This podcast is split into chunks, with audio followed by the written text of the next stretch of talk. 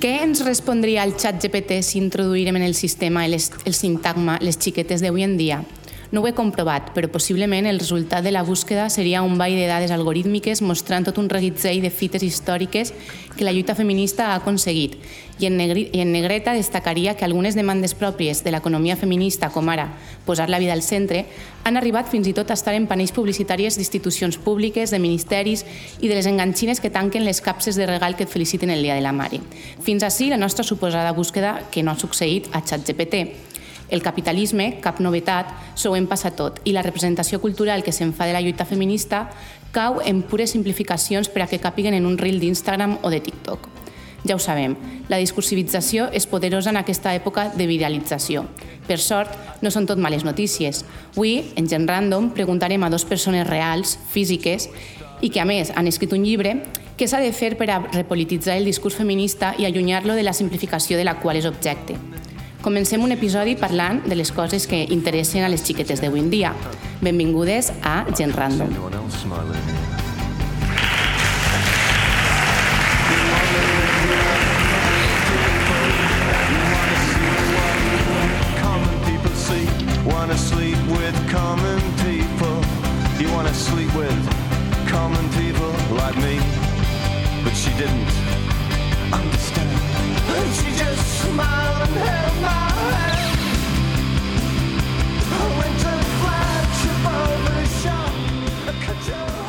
Hola, hola, hola, hola, com esteu? Hola, xiques, bona vesprada a tots i a totes i al gran públic que tenim avui així en el Lluís Vives. En la biblioteca del Lluís Vives. Una biblioteca que pareix de Hogwarts, però con mapes coloniales. Institut que a tot d'alguna manera o altra ens ha tocat. Jo vaig fer les pràctiques del màster així. A mi em van detindre la porta de la primavera valenciana. Imagineu si ens han tocat coses així. a tu, Lourdes, no? Sí, jo vaig vindre a la primavera valenciana des de Castelló, a posta, Muy en bien. un tren amb els meus amics Arantxa i Joan, eh, i vaig vindre a una mm, assemblea de l'ESTEP per les oposicions. Eixe és la meva relació amb el Lluís Vives. Eh, nosaltres som Gent Random, per qui no ens conega, som un podcast literari vital, parlem de llibres i de vida, eh, som en part, Quim Lourdes i Miguel als comandaments tècnics. Volem començar agraint-li a Laia Alonso per haver-nos contactat ara fa ja no sé quants mesos i al Cefire de Plurilingüisme per pensar en nosaltres. I vull dir també que si avui estem sonant i ens esteu escoltant enregistrades és gràcies a Miguel Alemany, com sempre que fem directes. Un aplaudiment, per favor. Per favor també a les companyes del podcast Com a Cabres, que ens han facilitat avui el material tècnic amb què estem eh, realitzant el directe. Eh, Com a Cabres és un podcast sobre esports de muntanya en perspectiva de gènere que crec que és imprescindible, així que escolteu-les, per favor. Seguiu-les a xarxes, per favor, que són imperdibles. I res, comencem.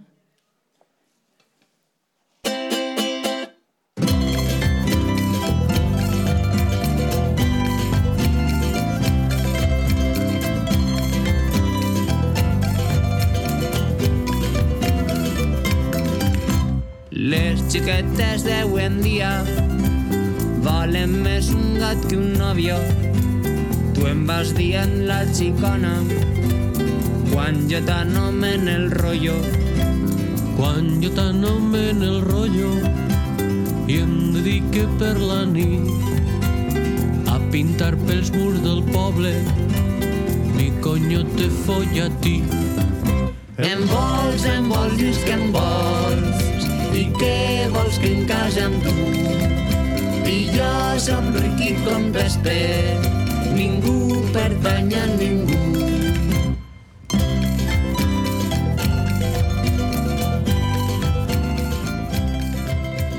Quina, no, quina nostàlgia quan són els jovens, eh? Ojalà tornaré. O sea, és un dels grups que pagaria 500 euros per anar a... Bueno, igual no tant. Wow. Si tocaran no. a Chata Sound System, sí.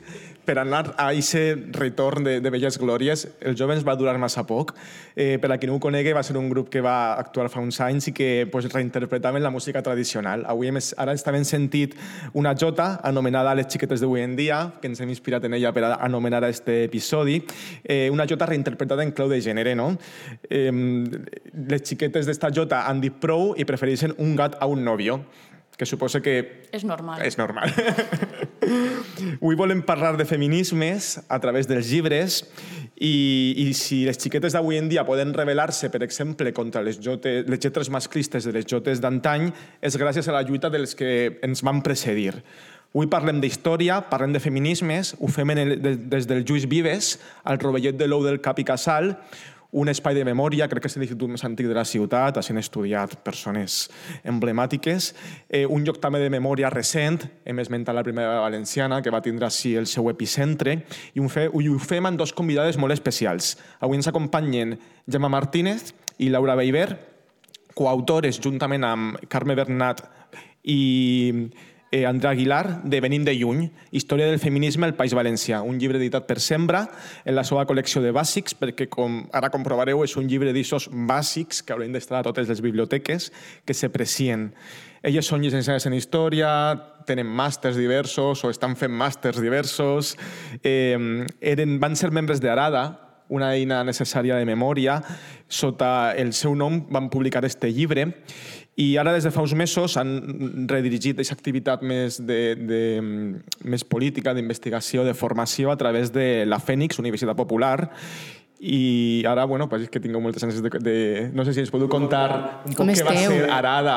Com, bueno, com esteu, lo primer? Benvingudes. Benvingudes. Com esteu? Esteu enamorades? Com li van preguntar, com li van preguntar a Martí Sales l'altre dia a l'entrevista. Esteu enamorats? Com, com esteu? Com esteu? Bé, molt bé, molt contentes, no, Laura? Enamorades de vosaltres. Ah, bueno, bueno.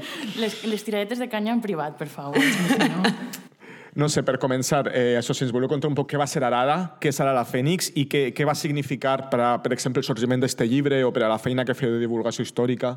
Bueno, pues, uh, Arada eh, va ser un col·lectiu que va néixer en el 2016, va néixer d'un grup de gent de, que estàvem en història en aquest moment, en el grau d'història, i naix sobretot, bueno, també estàvem en els moviments estudiantils del moment, i naix sobretot de la necessitat de, de tindre referents, perquè en el grau d'història pues, moltes dones no hi havia, ni donant-nos classe ni en els temaris que, dona, que estudiàvem, aleshores d'aquesta necessitat comencem a, a, fe, a pensar què podíem fer. No? I bueno, en realitat el projecte va durar com molt de temps, va entrar gent després que no era d'història i va, el, va acabar tenint dos vessants, que era per una banda un arxiu del moviment feminista al País Valencià, eh, malgrat que acabaven sent molts de València perquè era el que més teníem a prop no, per treballar, i després una part més divulgativa que treballàvem en mitjans de comunicació, en, per exemple, Directa, Catarsi, hem publicat eh, articles de divulgació totes nosaltres. Eh, sí que és veritat que, que respectant moltes temes que ens agradaven a cadascuna, però sempre en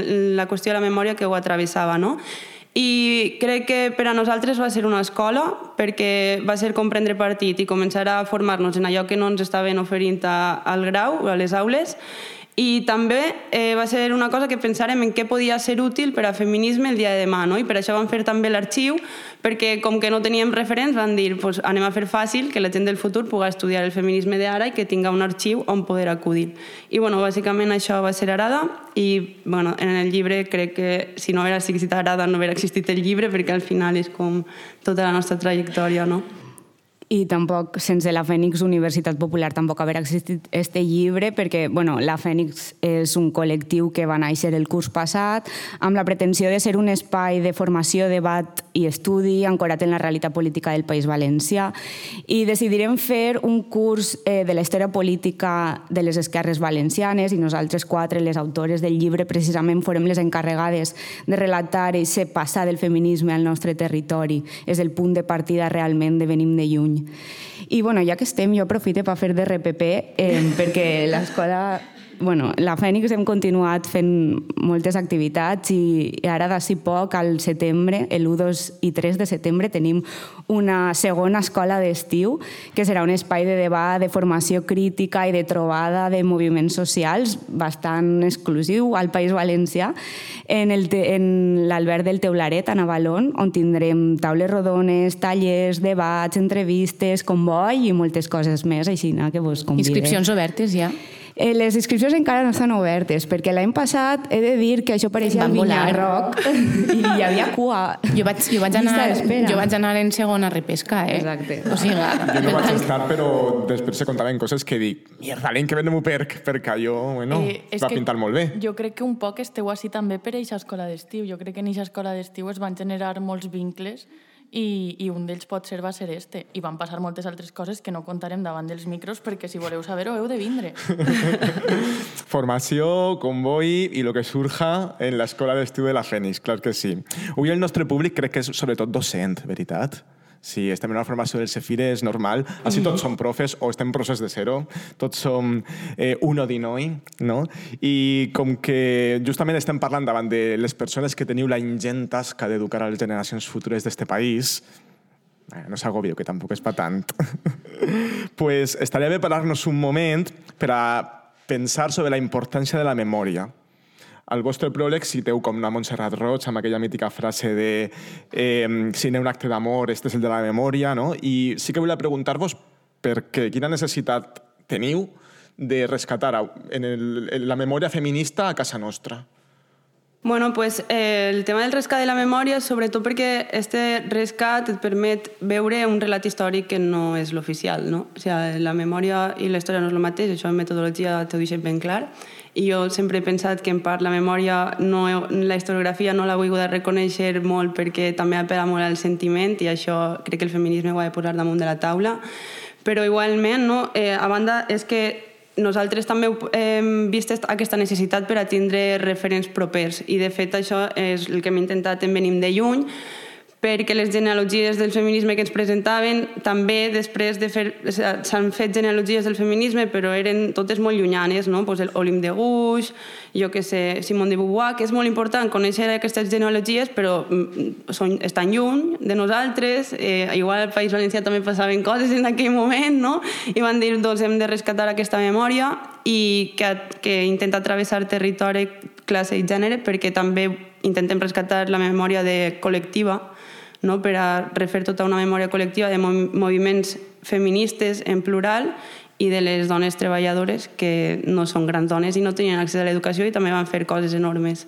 Mm, jo vaig flipar perquè són llicenciat en història i dels noms que anaven passant per les pàgines de Benin de Llum, de veritat, mm, de la majoria havia de buscar qui eren o perquè menys dos o tres, de veritat, no les coneixia. Per això volia proposar-vos, per començar, un xicotet xoc, que és, sense pensar-ho, Laura, Gemma, preparades, un, dos, tres, respondo otra vez. Escolliu cadascuna un dels noms del llibre, el vostre preferit. No, tu primer, Gemma. Jo, Maria Cambrils. Alejandra Soler. Maria Cambrils i Alejandra Soler. Les coneixeu des del públic? Hay gestos de no, alguna dice, uh, sí, sí, sí, yo sí, la, la aplicada de la clase, molt bé, molt bé. Molt ràpidament, si després entrem en, en matèria, però eh, Laura, Alejandra Soler, contamos ràpidament, qui era? Bueno, Alejandra Soler és que és una oportunitat única com per parlar d'ella a si mateix. Ella va néixer en el 1913 i va morir en el, en el 2017, va viure 103 anys. Va estudiar al Lluís Vives el batxillerat. O sigui, va estudiar en esta biblioteca, segurament. Segurament Ole. Igual es va a sentar en esta cadira. Bueno, que pase la seva energia, per favor, la necessite. Home, la cadira és bella, eh? Però bueno, aquestes són de la ESO, eh? D'implantació de la ESO. I bueno, va començar el batxillerat així a aquest institut eh, i va començar a militar en la FUE, en la Federació Universitària Escolar, també en aquest institut, després en el Partit Comunista, però com ve un cop d'estat i un, bueno, una guerra civil i una dictadura, eh, s'ha d'exiliar, primer s'exilia a França durant uns anys i després se'n va a la URSS, on exerceix de mestra de xiquets i xiquetes espanyols. Però no només això, moltes més peripècies li passen la seva vida, fins i tot viu la batalla de Stalingrad, la batalla més sagnant de la història, on aconsegueix salvar a 14 xiquets i xiquetes que estaven al seu càrrec. I, bueno, després de treballar, aprendre rus, aconseguir traduir alguns textos, i etc aconseguís aquest permís per a poder tornar a la seva terra, tornar al País Valencià, torna al Lluís Vives i encara la tia va i participa de les protestes de la primavera valenciana, que de fet és coneguda com la iaia de la primavera valenciana. És una història de pel·lícula, i tanto. I Maria Cambrils qui era, Gemma? Bueno, Maria Cambrils, jo l'he triat, vaig a dir-ho, vaig a dir-ho, l'he triat perquè és de Pego. bueno, Pego capital. La gent de Pego està molt orgullosa de ser de Pego. Bueno, jo és que damunt soc de la Júlia, que encara més pecat. Eh, però sí, que, que bueno, jo l'he triat per això i perquè bueno, és la primera en teoritzar sobre feminisme de classe al País Valencià, és la primera que introdueix la qüestió de classe juntament a, al gènere. Ella escriu un llibre que es diu Feminismo socialista, eh, prologat per Clara Campomor, i bueno, ella damunt el mèrit és que va ser totalment autodidacta.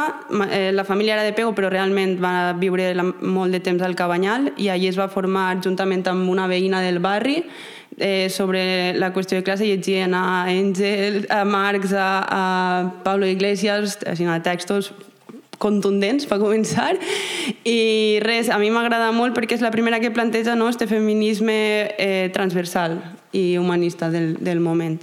Molt bé. Eh, abans, quan sentíem la jota dels jovens i d'aquelles dones que jo me les imagine allà pues, totes agarrades del bracet, no? Que, que no aguanten ja novios imbècils, sabeu en qui pensava jo? Jo pensava en un de, de les protagonistes del vostre llibre, sobretot del teu article, Gemma, que són les cigarreres d'Alacant les cigarreres d'Alacant. No sé si vos podeu imaginar, jo m'imagino tot de dones agarrades del bracet allí, que a veure qui s'enfrontava a elles, a aquests milers d'obreres provinents dels barris més humils d'Alacant, totes allà eh, treballant en, les en la tabacalera d'Alacant. No sé si us podeu contar un poquet més sobre elles i sobre la importància que van tindre en este primer feminisme al nostre territori. Bueno, pues les cigarreres d'Alacant, eh, així porta la xulla perquè tela, eh, elles, hi ha evidència de, de, de la seva organització dels, dels anys 50 del segle XIX, concretament un, un poquet abans, des del 48, del 1848, Gràcies a l'organització eh, van gaudir de, de jubilació i de serveis sanitaris en aquest moment i la primera vaga que es té constància és del 84, del 1884, no? I esta vaga, eh, no sé si coneixeu el moviment ludita, va un poc en aquesta línia, esta vaga es dona perquè despedixen a 80 gabineters de la fàbrica i es substitueixen per màquines, no? I elles pues, es mobilitzen perquè, bueno, en aquest moment la introducció de les màquines estava fent que tiraren a molta gent al carrer. Encara haurem de recuperar aquesta lluita, eh? En la intel·ligència artificial i aquestes sí. històries. No, perquè no plena actualitat. Que, no havien quedat que volíem el treball assalariat. Ah, és veritat, tens raó. Bueno, pues així, elles segueixen i en el 1910 funden un grup de pressió que es deia La Feminista i no és un grup de pressió que funciona només en les cigarreres d'Alacant, sinó que, bueno, no sé si sabeu que les tabacaleres eren estatals en, en el segle XIX i s'ajunten, elles formen la feminista juntament en coordinació amb totes les cigarreres de l'Estat. ¿vale? I, i bueno, en tota aquesta coordinació feien pressió sindical als diferents territoris. I després, a banda, van, van fundar una escola per a elles, per a cigarreres, eh, dos periòdics, una biblioteca i una sala de lactància a principis del segle XX. Que són lluites que podrien demanar-les ara qualsevol Contem força política de l'esquerra que sí, coses molt contemporànies que ja voldríem en els nostres llocs de treball. O sigui, pioneres i referents. Eh, en, en el teu article, que és el que se remunta més enrere, eh, parles d'aquest feminisme de finals del DNU, etc i fas referència a moltes publicacions, diaris, gacetes, que difonien aquestes idees del primer feminisme que corrien de mà en mà. Jo m'imagino aquests grups de lectura en veu alta davant d'una població majorment analfabeta, totes allà en l'orella parar, eh, llegint aquelles, aquelles idees que viatjaven a través de, de la paraula escrita. Eh, N'hi ha algunes que, com La consciència libre, que va ser una d'aquestes publicacions impulsades per dones, noms com el de la coneguda Concepció Arenal i d'altres que ens sonaran menys, com Ángeles López de Ayala o Maria Truís Alguer. No sé, aquestes primeres publicacions, quina importància van tindre en este feminisme? A veure, molta. O sigui, les primeres publicacions de dones en realitat es remunten ja als anys 50, però són molt poquetes. ¿vale? Eh, la importància en el segle XIX ja no d'aquestes publicacions, sinó de la premsa és enorme, perquè és el mitjà de comunicació del poble, o sigui, és el que la gent que sabia llegir llegia la premsa. Entonces, és una eina de divulgació de les seues idees, comencen a divulgar la, la, les qüestions d'igualtat per a les dones, sobretot en termes d'educació, és el que més treballa el republicanisme. Després, també és un espai de col·laboració perquè elles funden els seus periòdics, però escriuen en els altres periòdics d'altres dones d'altres llocs de l'Estat i com que van rodant un poc, no? Tenen aquesta col·laboració. I després també és un espai d'activisme perquè bueno, eh, té molta importància perquè la premsa eh, és el prim, un dels primers llocs on elles comencen a trobar el seu espai polític perquè no estava mal vist que les dones escrigueren. No? Així, com hi ha algunes coses que dins del mal pues, els permetien. I a banda també de, de formació, perquè la gent que no sabia llegir, potser anava als Ateneus i li posaven allí a llegir els periòdics i s'informaven a través també de la paraula, no? I jo crec que la premsa va jugar un paper molt important políticament. Jo he de reconèixer que llegia fragments de, que citeu en la novel·la i me quedava un poc enamorat de la prosa que se gastava entonces, eh? para que se feu una idea, un fragment de no res. Soy mujer débil y pobre, pero tengo mi pensamiento y mi conciencia libres. Camino tranquila por la senda del progreso. Rindo culto a la verdad sin preocuparme lo más mínimo por la insensata posición de los amigos de la sombra. La odiosa hipocresía no tiene excusa en el siglo XIX. ¡Arriba pues los corazones! Que esa frase final podría ser el final de un concert, eh, de una misa, de qualsevol cosa. ¡Arriba los corazones! Me encantava, no? Igual que a vegades, no sé si vos passa, que miro fotos antigues i dius, che, la gent que ve que vestia antes, pues a vegades llegis aquestes antes i dius, che, la gent que ve que escrivia antes, no? Jo convidaria a escriure tuits així, no? O sigui, sí. Jo crec que s'ha de recuperar això i anar mudat. Exacte, anar a les manifestacions en corbata, traje i sí, sí. Muy bien. Torna a les cigarreres, perquè la, la seva història m'ha encantat. Eh, no tenim així a Carne, a Carme Bernat, però en el, en, un, en el seu article cita un text de la grande, de la inigualable, de la única Emilia Pardo Bazán, que parla de les cigarreres. I atenció, perquè només ella podria descriure d'esta manera, captant aquests matisos que fa que te les imagines pues, tal qual me les imagine jo. D'elles diu que, com que no viuen tancades entre les quatre paredes a casa, tenen opinions polítiques pròpies. Diu d'elles, però, que el que senten eh, no son un cuerpo de doctrinas enlazadas y coherentes, sino esas ideas que se transmiten por eléctrico modo en los talleres, en las asociaciones de trabajadoras. Una mena de manera comuna de sentir, una espècie de fraternitat originada pel fet de reunir a tantes dones en un sol recinte. Eh, citant literalment, diu, siéntese apartada de su familia, es cierto, pero ligadas por misteriosos lazos sociales, por la solidaridad de los clubs, de los círculos, de las hermandades obreras. I de veritat que me fascina aquesta sensació d'unitat que descriu en les cigarreres, Pardo Bazán. Portant, un tema, portant el tema un poc al present, vos ho pregunta a totes les presents. No sé si vos heu sentit mai així en un espai de dones, amb aquesta mena de solidaritat invisible, si heu tingut aquesta sort. Bueno, jo diria que sí, Eh, bueno, evidentment en el col·lectiu que hem tingut pues, això sempre ha estat, encara que no, igual no n'hi ha força que diu així, no? però sí que ha estat. També les manifestacions del 8M, del 10 18 i tal, jo crec que això ho hem viscut moltes, no? Eixa sensació que va cremant i bueno, també no, no, no té per què haver segut en espais només de dones, també en espais mixtes, també he viscut això, moviment estudiantil, en col·lectius mixtes, no? perquè al final... I eh, quan, quan llegia això em venia al cap eh, Epi Thompson, com no, per variar, que diu que no hi ha una única manera d'entendre la classe treballadora ni de formar-se, sinó que són les condicions i, i les experiències la que la forma, no? i evidentment així hi ha una qüestió de gènere, però també hi ha una qüestió de que són treballadores d'una mateixa fàbrica. Voleu dir alguna cosa més, la resta? pues si vos sembla, anem a sentir una cançó que té molt a veure amb tot això que estem parlant.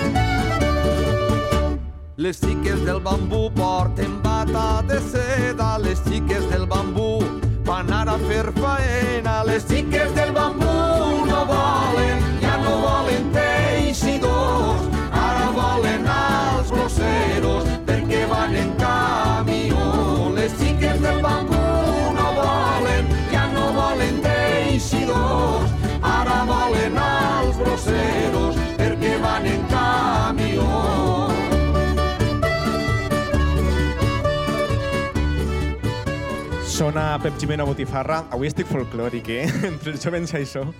Són el Botifarra amb les xiques del bambú. No sé si hi ha algú d'Alcoi en la sala.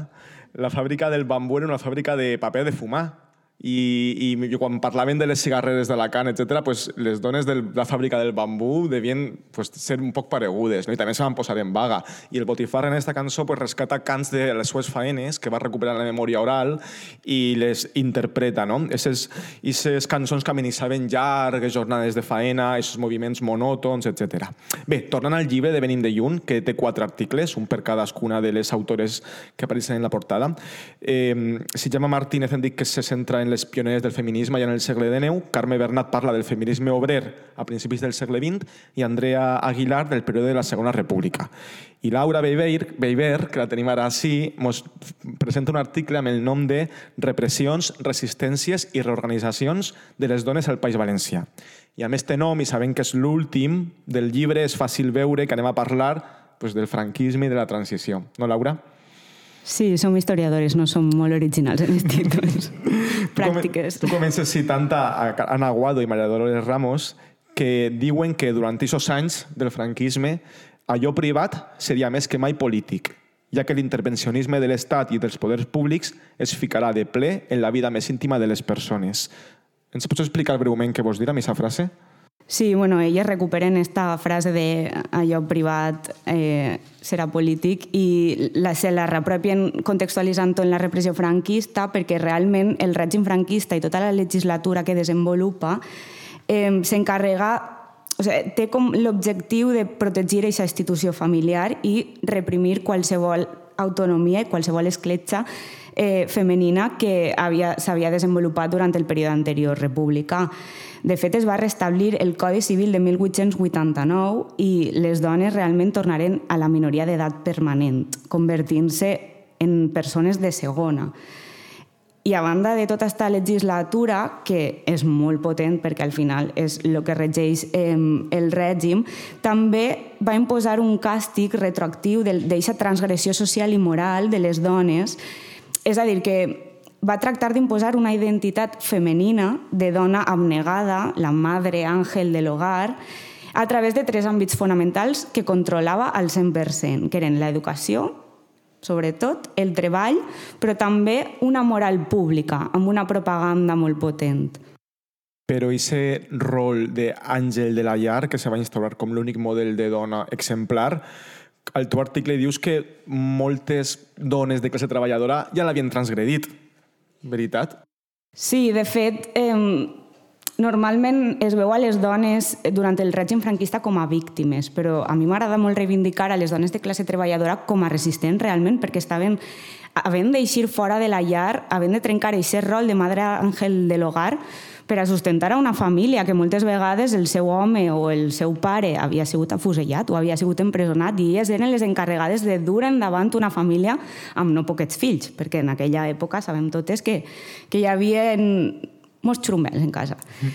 Eh, aleshores, d'aquesta manera resistien, eixien fora de la llar però, però no només, perquè també aconseguiren les dones resistir des d'altres maneres més directes, com per exemple en les guerrilles antifranquistes, en el, el maquis, en el cas del País Valencià és l'agrupació guerrillera del Levante i Aragón, on ve dueren a terme la funció d'enllaços, no? que és com intentar mantindre les guerrilles, pues, fent-los el menjar, llevant-los la roba, que era com feina eh, primordial per a que pogueren sustentar-se, donant-los informació, però també algunes dones agafaren les armes i se n'anaren a, a la muntanya amb els maquis.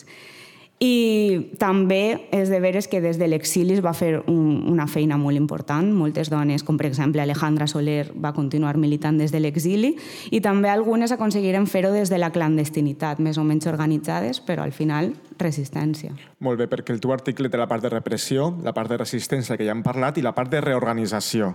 No? Eh, ens parles d'aquest incipient moviment feminista que ja als anys 60, 70 es va experimentar coincidint amb la segona onada del feminisme, eh, una segona onada que, que, pues, que recollia un poc els ecos del mayo francès, eh, de les protestes dels joves dels Estats Units, que posava, introduïa temes com el de la sexualitat, no? la família se qüestionava, i eh, en el nostre país, amb la mort del dictador i l'abolició dels moviments de protesta, eh, apareixen els primers grups al voltant de sindicats com comissions obreres no? i d'altres autònoms, i un poc també els primers conflictes amb aquest primer feminisme. No? Ens cites, eh, parlant de l'any 77, ens dius, alguns integrants del Movimiento Democrático de Mujeres consideraven que els temes relacionats amb la sexualitat, l'avortament o el control del cos espantaven les dones de les classes populars i no eren tan importants en la lluita política i la consecució de la democràcia. Per a elles eren prioritàries les reivindicacions sobre la igualtat jurídica, laboral i educacional. No sé per què tot això ens porta també a debats presents, d'alguna manera. No sé si podem trobar algunes similituds entre les divisions d'aquest moment històric, les actuals, Sí, bueno, jo crec que hi ha que tindre en compte que el moviment feminista quan naix, naix al final dels anys 60, encara no mort el dictador, i este punt és molt important, jo crec, perquè elles naixen, al costat, com has dit, al costat dels sindicats d'esquerres, dels partits polítics, sobretot del Partit Comunista, que encara està, eh, és, és il·legal, es, treballen en la clandestinitat, molt lligades a la lluita antifranquista, i elles eh, veuen d'un feminisme socialista que s'apropa a les dones des de les agrupacions de dones que en aquest moment eren legals, no? les associacions també de casa. I elles, colze a colze, amb el moviment veïnal, que és molt incipient, anaven a espais que tradicionalment han sigut eh, femen, femenins o feminitzats, com les places, els mercats, i anaven a conscienciar a les dones de la seva opressió de classe i de la seva opressió de gènere. I aquesta realment, o sigui, l'objectiu que tenien era que aquesta conscienciació es traduïra en organització i en lluita política. I, de fet, creen, al 1969, aquest moviment democràtic de dones a València. Què passa? Quan creen grups eh, que comencen a ser de masses, comencen a militar, molt, comencen a militar moltes més dones, és quan sorgeixen aquests enfrontaments, aquests debats. Eh, este debat se pot resumir, si no un poquet a broxa gorda, entre el debat de la militància única i la doble militància. Eh, crec que ha que tindre molt en compte el context perquè, d'una banda, els partits polítics, les organitzacions, els sindicats, per molt d'esquerres que foren, eren molt sexistes i existia una bretxa de gènere molt palesa. Vicenta Verdugo ha fet una investigació en fons orals brutal en la que ha entrevistat a moltes militants del, del Partit Comunista i ho corroboren.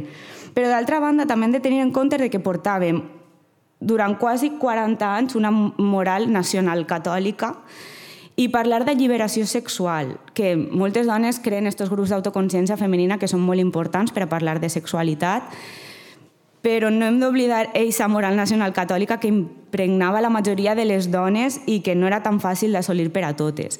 Aleshores tenim aquesta dicotomia de dones autònomes que veuen d'aquest feminisme radical, de la diferència, on l'objectiu principal és reflexionar sobre la seva pròpia situació com a dones, resumint un poc de la seva identitat individual, i les que definien aquesta doble militància, que entenien que la lluita de les dones estava íntimament lligada a la, a la lluita obrera, a la lluita de classes, i qüestionaven aquesta divisió sexual del treball, la impossibilitat de compaginar per a elles militància, treball i feina domèstica, aquesta triple opressió, i ahí sorgeix un poquet aquests conflictes del 70. Molt bé. És un poc ese anar a per totes ja o a poquet a poquet, no? Bueno, anem a seguir amb el nostre, amb el nostre programa parlant d'un llibre ben especial.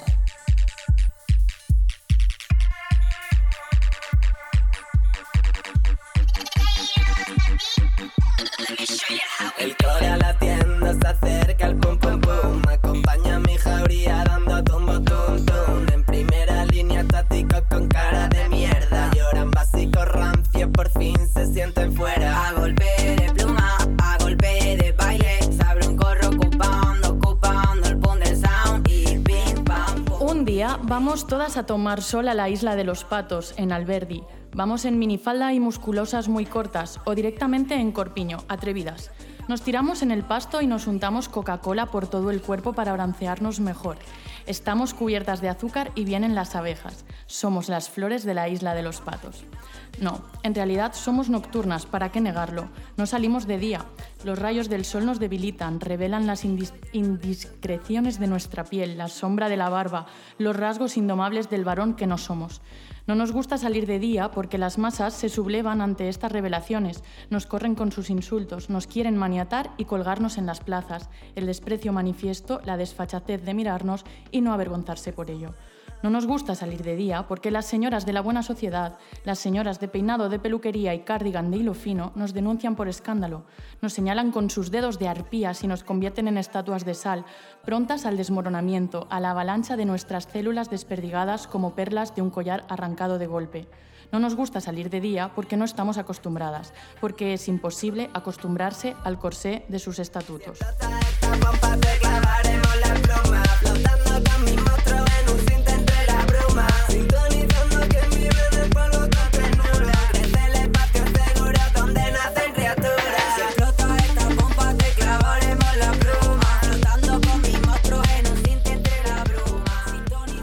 El que acabe de llegir és un dels fragments que més em van agradar per la potència del que descriu i per la bellesa de la forma en què ho de Les Males, la primera novel·la de Camila Sosa Villada. Per cert, sonava el grup granaí Quiltreo Oscuro, com ells es defineixen, un virus hackeado, la, perdó, un virus hackeando la codificación binaria del sistema, cuerpos que se construyen y destruyen para no ahogarse desde los márgenes en los que esta sociedad nos ha dejado. La cançó es titula Criatures, un temacle que em va descobrir el meu amic Joan en un viatge en cotxe en què li vaig demanar per fa Joan, posa'm música oscureta, deixa que t'agrada tu. Les males és una novel·la difícil de catalogar dins d'un gènere. Per a mi és la mescla perfecta entre autoficció, realisme màgic i coming of age. És una mostra més que la, la literatura en espanyol actual més interessant s'està fent a l'altra banda de l'Atlàntic. Tenia moltes ganes de parlar-ne i vos dic ja que segurament és el llibre que més m'ha agradat en tot el que portem d'any. He intentat sintetitzar tot el que m'ha fet sentir i pensar esta lectura en una capsuleta en forma de guió, però m'hi deixa moltes coses pel camí segur, així que comence dient-vos que la llegiu i entendreu millor a què em referisc. Intentaré no fer massa spoilers perquè no vull condicionar-vos massa la lectura, però la veritat és que llegir les males és un viatge que cal fer deixant-se portar. Però de què va les males, per qui no el conega? És la vida de Camila, que troba el seu primer espai de pertinença en un grup de travestis que es prostitueixen a Còrdoba, Argentina, la ciutat on es muda per estudiar a la universitat. Al llarg del llibre conta com és la vida comuna d'esta manada de lobes emparades per la tia Encarna, una dona que diu que té 78 anys, que encarna una maternitat fora dels cànons i que s'enamora d'un hombre sin cabeza. També hi ha flashbacks als moments previs a la vida de Camila a Córdoba, al poble, amb son pare i sa mare, que et permeten entendre una miqueta millor el present en el que s'està narrant. Eh, un apunt, dic travestis perquè ella mateixa diu travestis, de manera totalment deliberada. I Camila Sosa ho argumenta així. Yo soy una travesti, no quiero lavarme esa palabra tan llena de oprobio, me la quiero apropiar como se hizo con maricón. Allunyada de victimismes i melodrames, eh, la història que narra és dura, però la narra de manera molt honesta, eh, la qual cosa no significa que no hi hagi cabuda per a la llum en, una, en, un, en esta novel·la. No? Al contrari, jo crec que un dels temes centrals és la força i la importància del col·lectiu, una cosa que precisament eh, Gemma i Laura a Venim de Junts saben eh, reivindicar molt bé, i, bueno, és que no puc dir res roïn de les males, o sigui que llegiu-la. Sí, sí, llegiu-la. Jo també me, me va encantar esta novel·la. I eh, m'ha agradat molt portar-la quan parlem d'amistat, perquè crec que és una novel·la que, a pesar de ser superdura, eh, jo recordo aquests fragments que, que diu que el destí d'un travesti és acabar en una zanja. Sí. A pesar d'això, ella troba una comunitat tan forta i tan bonica i tan màgica que era com una novel·la que a banda de tota la problemàtica de, de la transexualitat i tal, la prostitució que, que hi ara, és una novel·la d'amigues. D'amigues sí. i de crear comunitat. És increïble. Jo no tenia molta expectativa, he de dir, i me l'he gaudit un munt. I a més que no me la vaig llegir per al... O sigui, me la vaig llegir fa poc, però no pensant que anava a parlar d'ella en el podcast. Aleshores, això també es va llegir d'una altra manera, mm. perquè llitges subratllant, però no subratllant per al podcast, llitges sí. subratllant per al La lectura, el procés de lectura és diferent. Eh? Quan, quan has de parlar del llibre per explicar-lo o quan simplement és com un exercici més íntim per a tu, sí. canvia moltíssim. Eh, jo crec que este llibre reflecteix molt bé eh, la qüestió trans, eh, ja que vivim al llarg del llibre el procés de transició de Camila i l'acompanyament les violències que rep per ser una dona trans, i també la prostitució, que és el treball que exerceix en arribar a Còrdoba. Arribades a aquest punt i abans de continuar, vull donar les gràcies per l'assessorament i l'ajuda a l'hora de bastir este trosset de guió a Aranxa Hernández Esteve, especialitzada en estudis de gènere i actualment tècnica d'igualtat, una personeta far, d'eixes que t'il·luminin i de qui tinc la sort de ser amiga des de fa un bon grapa d'anys. Un besito, guapa.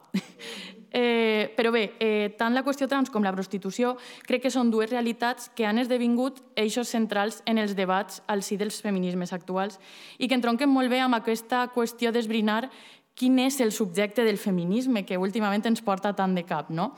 Eh, ja en la introducció de Venim de Lluny apunteu que una mirada històrica cap al feminisme ens pot ajudar a entendre alguns dels debats que s'estan generant en l'actualitat. No? I un d'ells és precisament este. Dieu que eh, això d'esbrinar quin és el subjecte del feminisme cobra una rellevància transcendental, deixa fora altres realitats i dona lloc a grans polèmiques dieu que la vocació humanista del feminisme social valencià feia que les lluites feministes s'articularen sense la voluntat de tancar-ne el subjecte. Podríeu explicar una miqueta més què voleu dir amb tot això?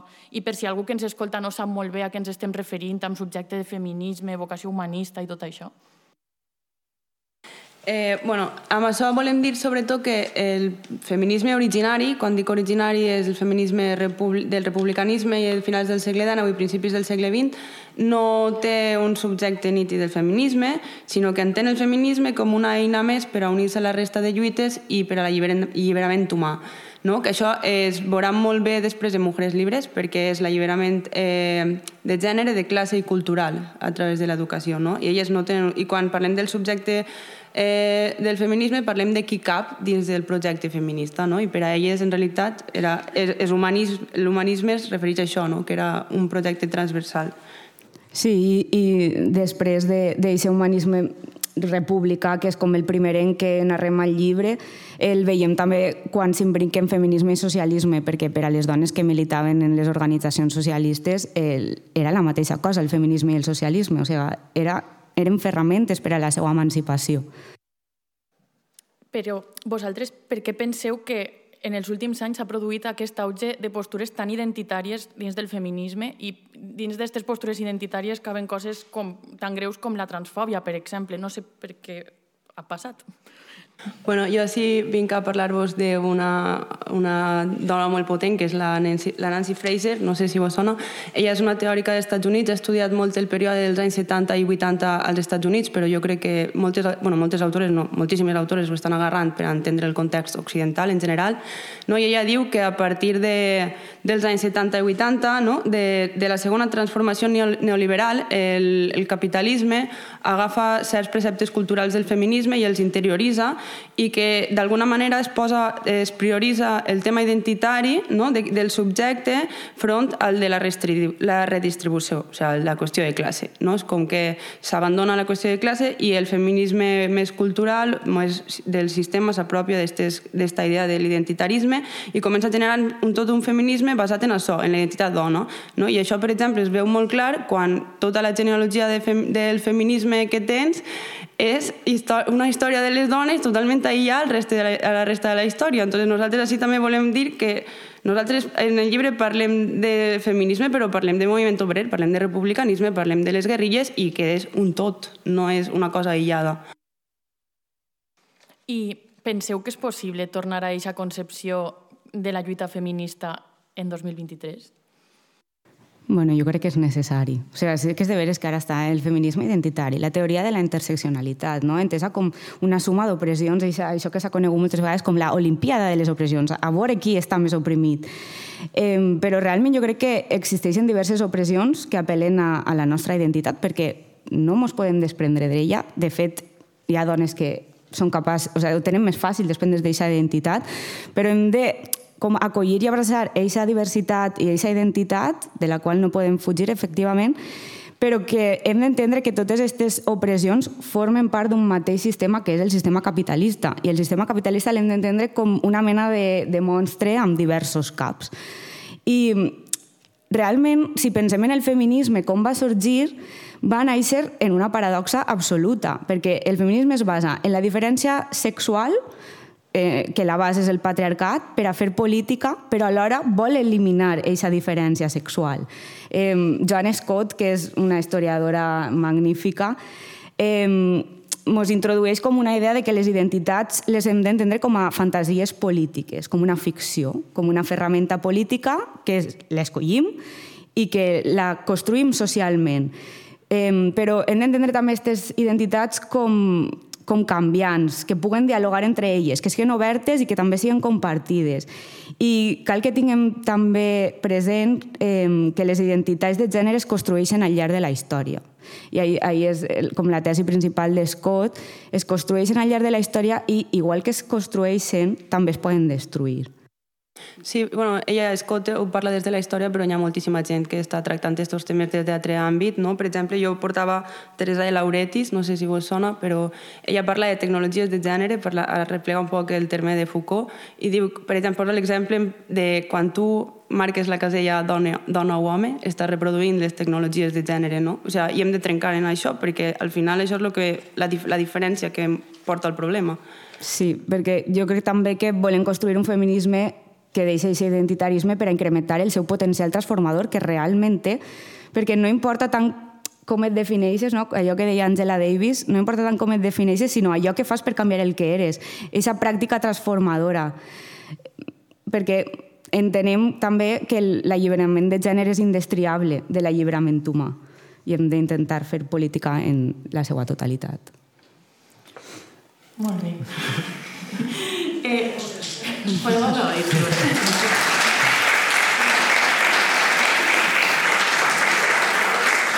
L'altre gran tema que comentava és la prostitució. Camila, la protagonista del llibre, es prostitueix i Camila, l'autora, en el passat també ho va fer. Eh, Camila Sosa en una entrevista explica, como travesti me empujaban a ser pobre y no tenía ninguna posibilidad de hacer otra cosa. Hice esfuerzos, limpiaba casas, cosía ropa, hacía remiendos, vendía cosas en la calle. El capitalismo és un sistema prostituyente. La prostitució també ha esdevingut una qüestió al voltant de la qual els feminismes han debatut molt i encara ho fan. La multiplicitat de postures és més que evident, la qual cosa fa encara més complex un debat que ja d'entrada ho era, no? especialment dins del sistema capitalista. Mm, penseu que la mirada històrica també pot ajudar-nos a entendre millor tot aquest debat? Bueno, entendre-ho, jo crec que sí. Que en resulte útil ja depèn, no? Perquè hem d'entendre que la història no és la nostra mestra de vida. La història no és lineal, té els seus alts i baixos, ens pot ajudar a analitzar com van esdevindre certes lluites que actualment ens afecten en el passat, aprendre d'elles, però no ha de ser per ser un referent.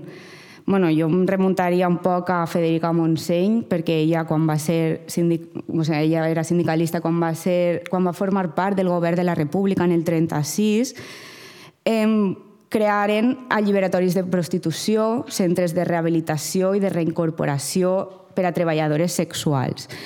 Bueno, I no només ella, sinó que Mujeres Libres també tenia aquest discurs de que elles consideraven que l'emancipació de les dones treballadores era obra d'elles mateixes i, de fet, així ho resava el lema de la Primera Internacional, però esta màxima no s'aplicava a les treballadores sexuals, que realment elles eren jutjades i eren mirades i analitzades des d'una mirada moralista. I crec que actualment també s'està jutjant el treball sexual des d'una mirada moralista.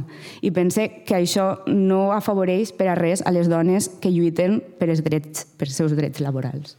Clar, jo volia, afegiria sí, no? eh, fa poc va vindre a València Georgina Orellano, eh, que ella és de, del AMAR, és el Sindicat de Treballadores Sexuals d'Argentina, i bueno, va dir una cosa que a mi em pareix que resumeix molt el tema, i és que ella va dir com la gent pobra no triem el nostre treball, nosaltres tenim opcions i optem. Vale? I moltes d'elles passen per treballs pitjors que elles consideren que no volen fer i bueno, és una decisió, no?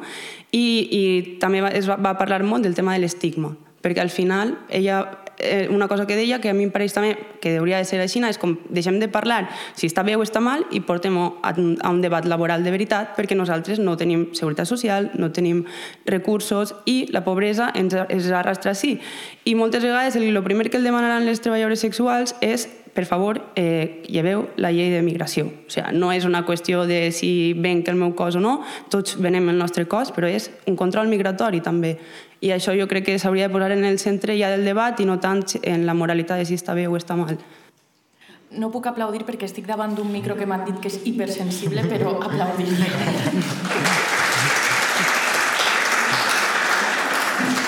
eh, moltes gràcies, xiques. Eh, la veritat és que em feia molta, no sé si por és la paraula, però respecte abordar aquestes qüestions perquè crec que, que són complexes però no perquè siguin complexes tampoc les hem de deixar d'abordar, no? I, bueno, no sé, m'ha agradat molt el que heu dit. Tornant a les males, eh, acaba dient per quins motius recomanaria estos llib este llibre. Eh, el primer és que pense que al voltant d'aquests temes de la qüestió trans i de la prostitució es teoritza molt i a mi sempre em fa una miqueta de mal de panxa pensar-ho perquè en realitat són realitats que travessen les vides de moltes persones i així estem, estem parlant de teories mmm, quan hi ha gent que ho està vivint dia a dia. No? Eh, Camila Sosa també ho diu així y diu, hay muchos teóricos y teóricas. Las teorías nos bajan desde lugares en los que no nos conocieron. El llibre et recorda això i crec que és un bon exercici d'empatia. Per altra banda, també per com està escrit, que està escrit increïble, la veritat. I per una qüestió que últimament m'obsessiona molt i és que eh, utilitza el realisme màgic com a subversió del patriarcat en la literatura. Per exemple, descriu una travesti a qui li creixen plomes i trenca la gàbia, o hi ha un bebè que es diu brillo en los ojos, a qui totes les travestis crien en comunitat. Això no és exclusiu de Camila Sosa, per exemple, Mariana Enriquet també ho fa a través del terror, i també hi ha una espècie de pensament màgic que teixeix tota la història. Eh, em referisc a les coses que no podem explicar. De fet, diu Camila Sosa, la realidad es apenas una invitada en las malas, una realidad cruel y amarga de las travestis hace 20, 30 o 40 años, pero lo que une, lo que amalgama, es una especie de magia. I el més important de tot, i crec que per a mi és eh, el missatge que pretén transmetre en llibre, és que al final totes les persones l'única cosa que volem és ser estimades per ser qui som. Everybody know my hand. Everybody, everybody know my hand.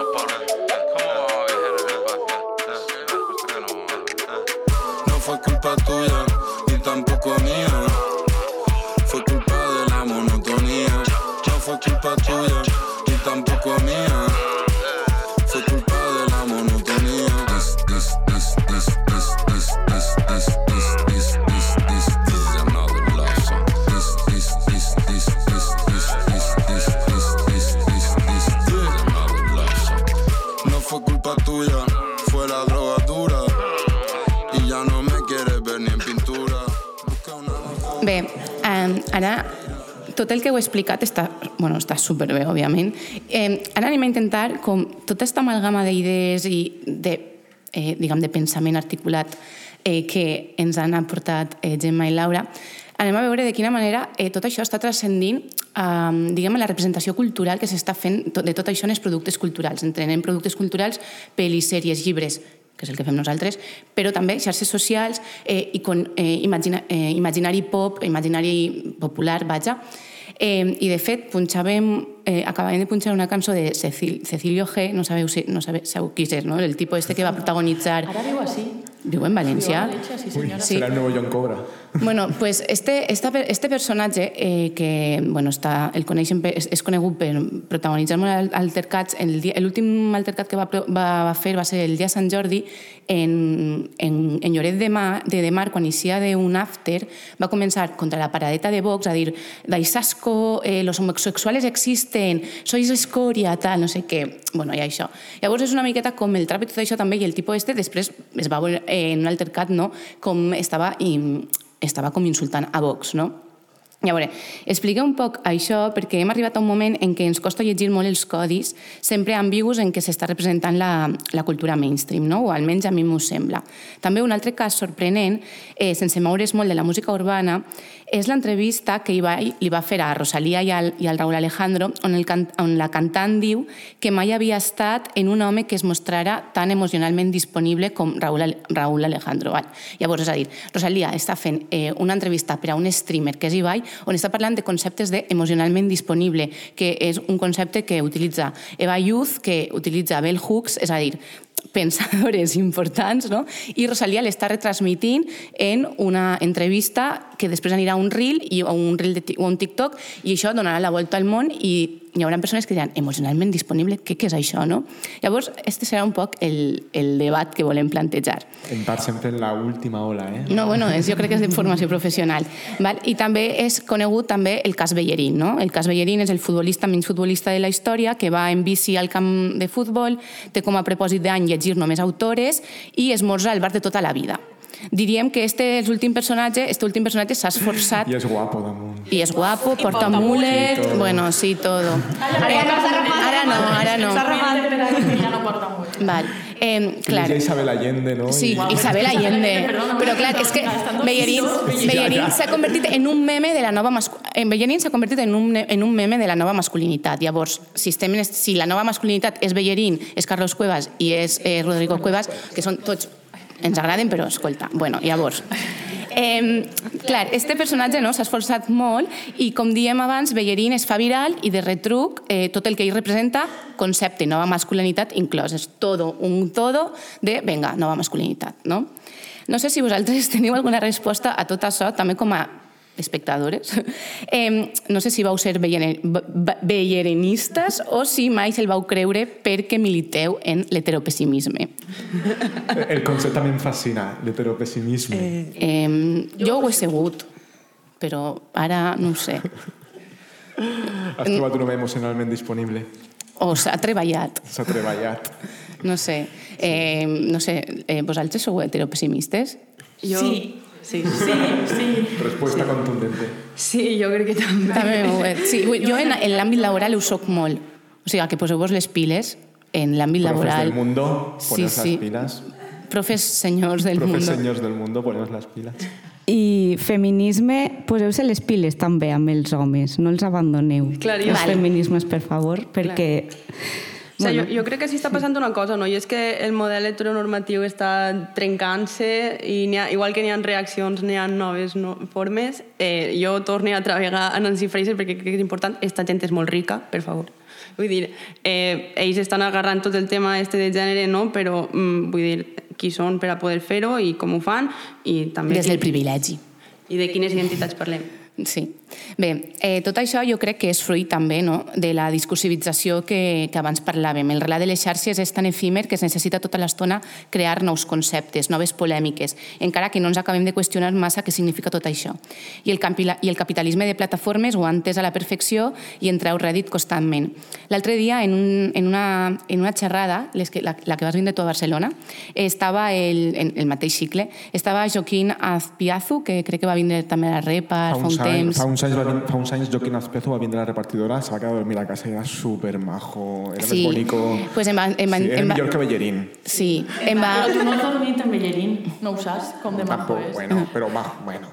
Joaquín és molt majo. Bé, ell, ell deia eh, eh, que, que més que parlar de, de nova masculinitat s'hauria de parlar de masculinitats híbrides. Eh, deia que l'etiqueta nova, nova masculinitat, a més de confrontar nou i vells, i vell, perdó, diluïx el problema que presenta de per se el concepte masculinitat.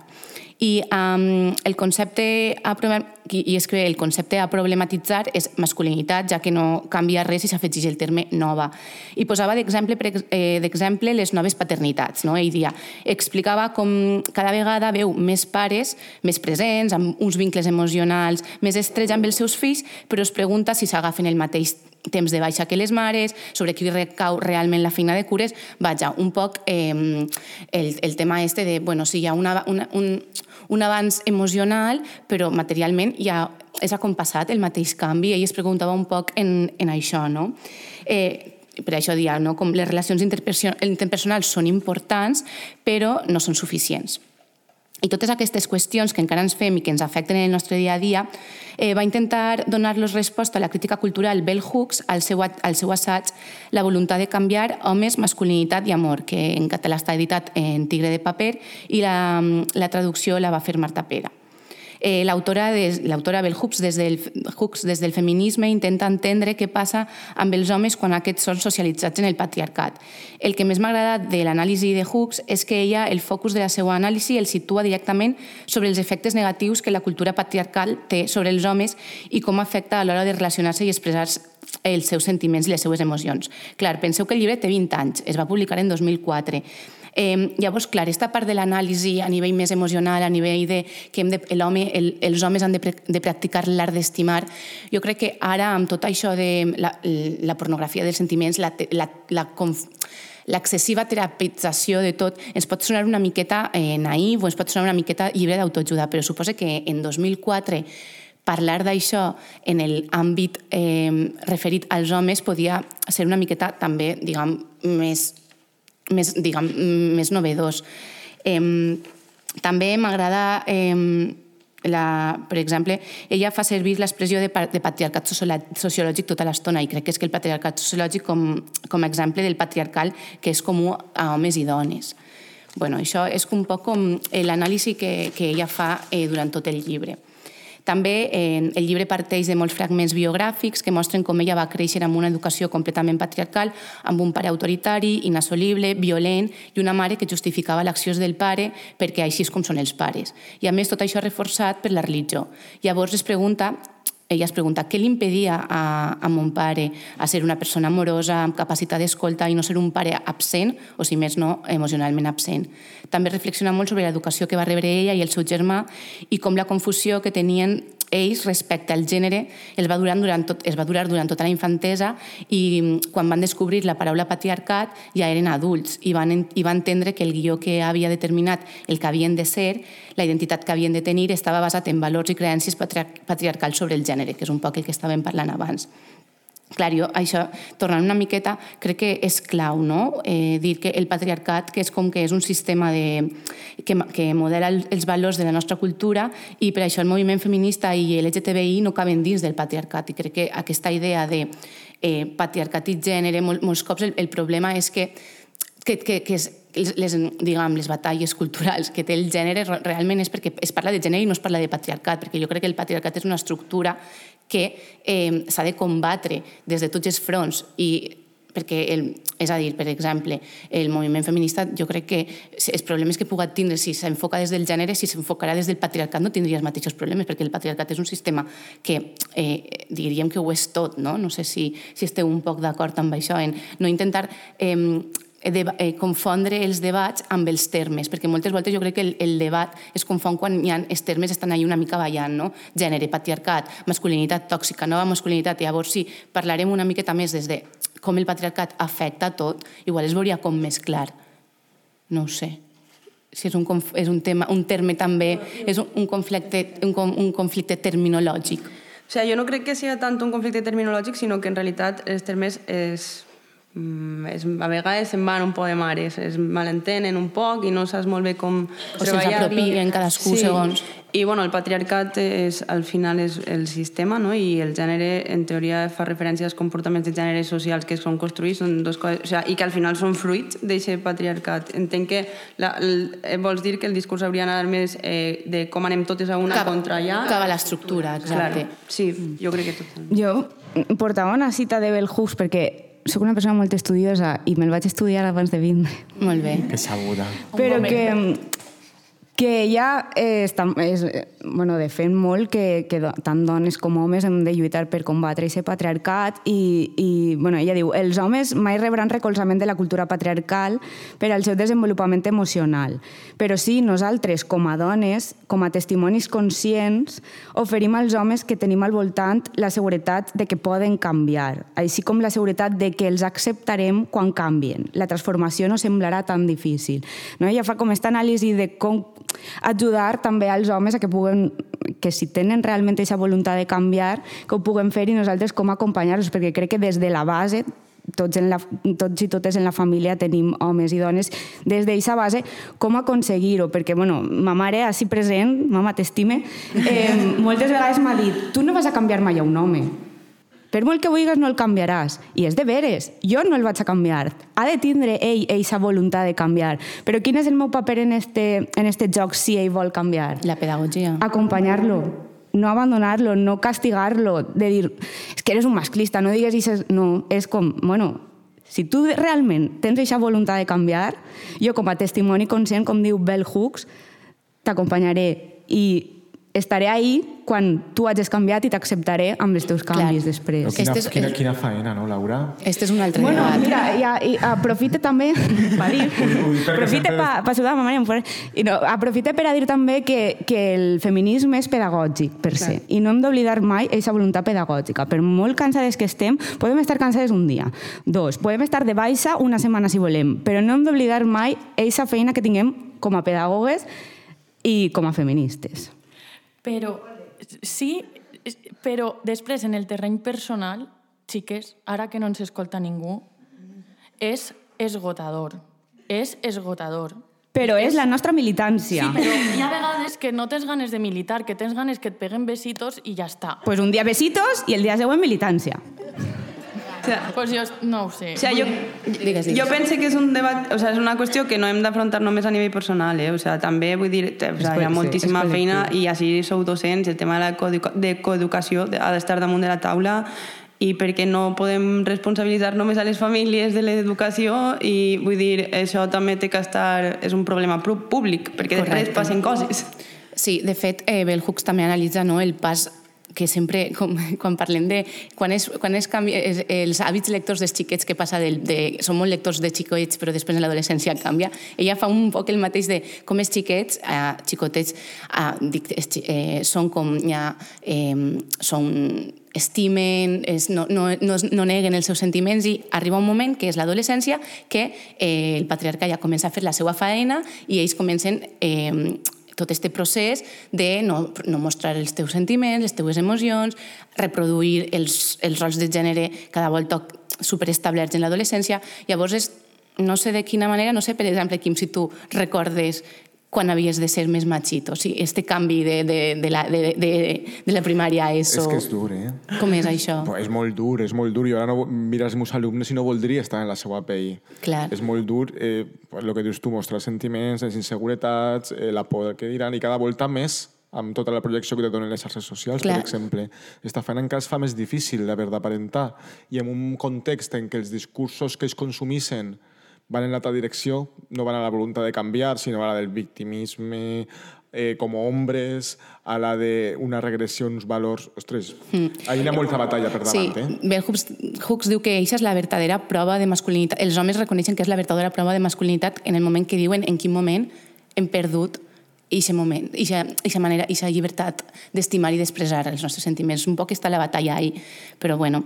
Eh, també, eh, com he dit abans, crec que el llibre en el seu moment va portar una visió que fins llavors moltes feministes havien rebutjat de, ple, de ple i era no, no volem saber res de l'home, no? és allò de la nostra lluita l'hem de fer per nosaltres. Però jo crec que això ara no sé, bueno, és que jo ahir pensant, reflexionant, pensava que era molt anecdòtic, però qui em va dir, no, no, el debat està sobre la taula. Jo no, no m'ho puc no sé, pense que no, perquè no entenc que el feminisme és una cosa que hem de fer tots i totes i totis i tots, però vosaltres encara veieu, no sé, el debat continua, no? És, hem, hem de fer de pedagogues, no? Dies sí, dies no. Bé, ja heu dit, ja hem vist una miqueta com està. Eh, nosaltres, sobretot en les escoles, s'ha de fer tot. Eh, eh, la qüestió del, de la coeducació... Per això, vull dir, el que diu Gemma, eh, no, igual que en la teva parella no pot recaure tot el pes de canviar tu, ni en la teva família, ostres, són molts actors. Eh, un xiquet no li diu que nosaltres només, diu que la família tal, però nosaltres cobrem, mira, i tenim, és part de la nostra feina, és, és clavar aquests discurs de coeducació, aquests discurs de gènere i, i, i no de fallir mai, perquè és fàcil cansar-se. Sí, i després també jo crec que mm, el llibre de Bell Hooks, eh, clar, en 2004 es va escriure, com he dit abans, i ara també hi ha altres qüestions que podríem plantejar, que és que les formes de relacionar-se s'han canviat, en l'actualitat han canviat totalment. Eh, no són possiblement com els que tenia Bell Hooks en ment, i en el còmic No siento nada, de Liv Stromsky, eh, ella fa una, radio, una radiografia de la fi de l'amor en l'era del narcisisme extrem. Eh, I, per exemple, ella diu que ara en l'actualitat, com que hem perdut un poc de vista qui és l'altre, no sabem eh, qui l'alteritat l'hem perduda i si, i si sí que i si ens comparem en, en l'altre o eh, volem eh, valorar qui és l'altre, només ho fem però per a reforçar-nos a nosaltres mateixos, a la nostra identitat o a la nostra, el nostre individualisme. I és un poc com funcionen les xarxes, com funciona un poc tot. No? I ella parla un poc des d'ací de com eh, som incapaços de, de que els vincles eh, els vincles afectius duren perquè hi ha una eh, sexualitat acumulativa. No? Eh, pues, eh, I això és el que parlàvem un poc en el programa anterior. Eh, anar acumulant eh, relacions tal pues és una manera de, que, que, que es pot ara vincular un poc, ens podem vincular. Jo crec que no és tan així, jo, jo no ho veig tant com, com ella Vull dir, crec que cau un poquet en la manera de dir, bueno, pues sí, tindré eh, moltes, molts vincles, eh, no, hauríem de, de rebaixar no? aquesta quantitat de vincles. No sé si això és la, de, la manera, però sí que és cert que crec que la manera de vincular-se ara és un poc, no sé, no sé. Líquida. És un, poc, és un poc líquida, sí, és paradoxal, no? És el jo quisiera enamorarme però no puedo. Jo no sé vosaltres què penseu d'esta manera de relacionar-se. Ara el compromís és punky. I què és això? Cas, Com... Casar-se és el més punky que n'hi ha. Bueno, a veure, una cosa, no, a És broma, és broma. La institució familiar seguirà sent el fonament del patriarcat. Enemics de la família tradicional. Clar, però sí que és cert Sí, sí. Eh, a veure, jo és que així veig una cosa i és que eh, per una banda tenim el model familiar tradicional no? i l'alternativa que s'ha anat generant està molt lligada al llibre mercat de cossos. Exacte. No? Entonces, jo crec que la nostra feina com a gent feminista és trobar realment una alternativa relacional. No? De fet, la Brigitte Vassallo parla un poc d'això també, mm. de com l'alternativa que s'ha generat és un mercat de cossos, desvinculació emocional i tal, i l'altra és la família nuclear tradicional. Entonces, ni una ni l'altra. Anem a buscar una, un, hi ha que buscar fórmules per a com ens relacionem de manera feminista i que... Clar, perquè ella en el còmic el que fa és que aquesta manera de, de relacionar-se, sobretot les que eixen perdent altra vegada, qui són? Les dones. Per què? Perquè eh, les dones em re, eh, rebem no, la funció sociològica de la maternitat. Llavors, el nostre, les nostres maneres de vincular-se al final són més curtes, perquè nosaltres la funció biològica és més curta. Llavors, els homes tenen molt més temps per adquirir estatus, per a tenir moltes relacions i sempre poden tindre eh, a relacions en dones molt més joves, el cas de Leonardo DiCaprio, no? com Leonardo DiCaprio va canviant de parella de eh, 15 anys més jove que ella, no? totes són així i acumula molt, molt moltes relacions, però les dones, ella sí que parla que, clar, com que, bueno, això és una teoria que diu de Bayuz, com les dones sí que hem agafat la funció sociològica de la maternitat, el temps és molt més curt. Llavors, eh, diguem que eh, els vincles emocionals d'estar més aferrats o de buscar una relació a més llarg termini l'acaben de, de prendre les dones. Però, clar, ara les dones també, per agafar més autonomia, diuen que també, segons la, el llibre, repliquen també aquesta manera de relacionar-se. Bueno, i per això el llibre al final és diu no siento nada, perquè al final és com un desconcert de no saps massa bé cap a quin costat vas.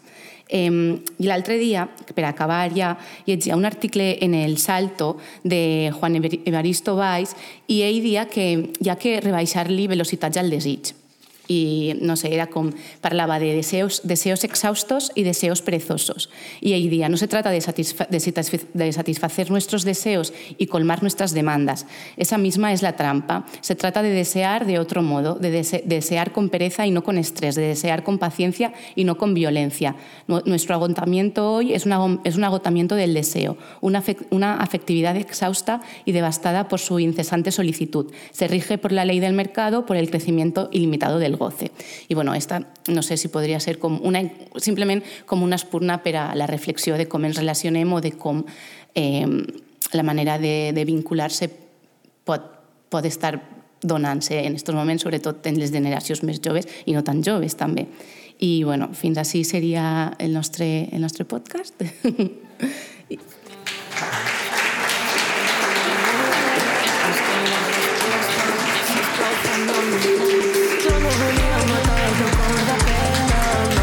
tan mal, no. Vull ser el teu amulet, no la teva condemna. Moltes gràcies a totes i a tots per haver assistit a l'enregistrament en directe de Gen Random. Moltes gràcies, Laura i Gemma, per acceptar la invitació, per estudiar tant i preparar-vos-ho tot i, i per ser mm, magnífiques. Moltes gràcies, xiques. Ha sigut un gust. A vosaltres. Moltes gràcies també a Laia Albert i a Maria José del Cefire per haver confiat en nosaltres per totes les gestions fins a l'últim moment i a Lluís Vives per acollir-nos.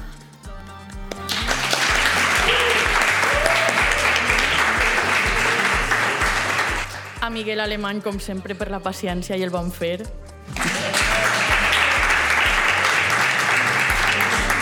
I com ja hem dit abans, a Irene, Eli i Àngel de Comacabres per deixar-nos el material tècnic, a Aranxa Hernández per l'assessorament en l'ombra, a Ràdio Godella i fem un podcast com sempre i a totes les oients.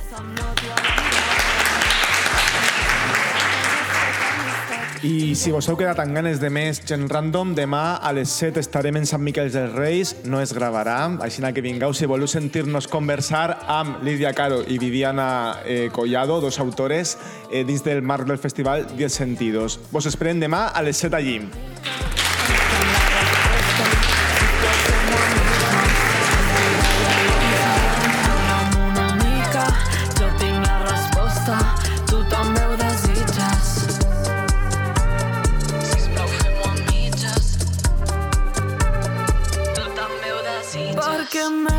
sobre més de 200 vegades. Perquè m'he queixat quan les coses es posaven rares. Perquè t'he demanat porfa que baixis de la farmàcia i que no em pugis